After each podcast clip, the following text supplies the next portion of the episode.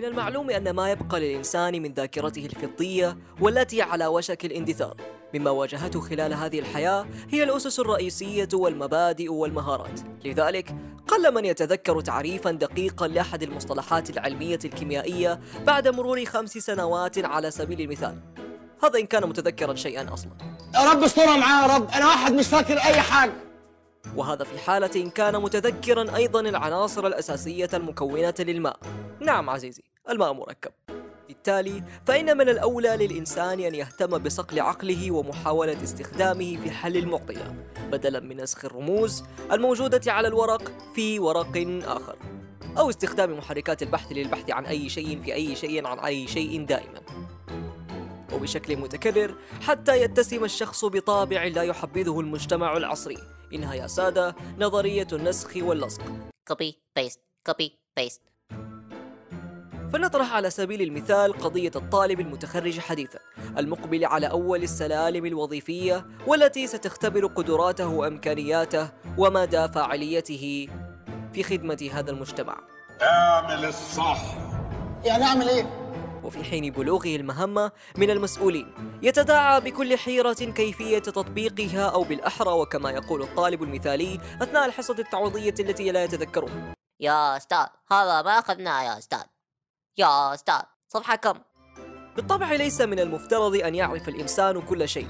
فنحن ومن يسبقنا في الخبرة لا نزال في رحلة من التعلم المستمر مدى الحياة. نشير في هذه الأطروحة لقضية توظيف المعرفة والمكتسبات في الممارسة من خلال التطبيق ومن خلال تطبيق النظريات المكتوبة على أرض الواقع. لن يعالج الطبيب مريضا لمجرد المعلومات التي قرأها في الكتاب. النبي يا دكتور عندي صداع جامد جدا. اشربي شاي. بالإضافة إلى قصة مريبة في مضمونها وظريفة في سردها يحكي أحد الأشخاص عن تجربته الوظيفية الأولى في أحد الأيام. يقص علينا أنه واجه أحد الزبائن الغاضبين من الخدمة متصفها غاضبا ومؤنبا كل العاملين على التأخر في تسليم طعامه الذي طلبه منذ عشرين ثانية. من الجوع وبعد الصراخ الذي تحول إلى نوع نادر من النباح يرد عليه عزيزنا راوي القصة وبكل حزم وشدة صاحبا معه الحكمة الوعظية في جعبته برده ليش صار؟ كل الناس دول مو عاجبينك يعني؟ لا تنتظر تصبر زي الأوادم يترك على الله قد عم الصمت وتدحرج اللسان إلى أسفل العنق ولكن بمجرد أن التفت صديقنا حتى لمح نظرة ثاقبة على بعد 500 كيلومتر. من مديره بنظرته المتصيدة داعيا له أن يلقاه في مكتبه. ونحن ندعو الله عز وجل أن يرحم صديقنا راوي القصة ويتغمده برحمته. لكنه لم يمت بعد. بعد أن شرح الموقف لمديره جاوبه بكل دبلوماسية بنصيحة ذهبية والقليل من التوبيخ. قائلا مهما كان العميل غاضبا فإنه على حق.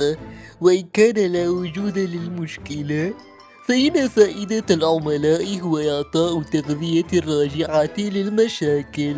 وعملنا نحل هذه المشكلة. حتى وإن تطلب الأمر أن نوفر له طعاما خلال خمس ثوان فقط. بالتالي فإن من المطلوب منك أن تكسب رضا العميل لتحصل على ولائه لاحقا وترك مجاراة العملاء السيئين لأن نسبة تعاملهم مع العلامة التجارية بعد أول تجربة قد تكون صفرا بالمئة. عامل العملاء كما يحبون هم أن يعاملوا وليس كما تحب أنت أن تعامل توحي ولا ما توحي؟ باختصار ملأت الدهشة من هو على حق وبدا له أن هناك شيئا جديدا لم يتعلمه بعد. وينبغي أن يتعلمه في وظيفته ألا وهو مهارات التواصل. منطقيا أنت تتعامل مع البشر كل يوم. يشير هذا المثال لمدى قابلية الممارسات والخبرات البشرية في خلق رؤى مثيرة في بيئة العمل. السيرة الذاتية المكتوبة مهمة للفوز بالمقابلة الوظيفية، لكن مهاراتك وقدراتك وذكائك العاطفي هو الذي سيجعلك تستمر في العمل وربما تترقى في الوظيفة. اقرأ، تعلم، مارس واستمر في التطوير وتذكر أن العلم لا يقتصر على مقرر في الجامعة أو على كتاب من الكتب الأفضل مبيعا في العالم.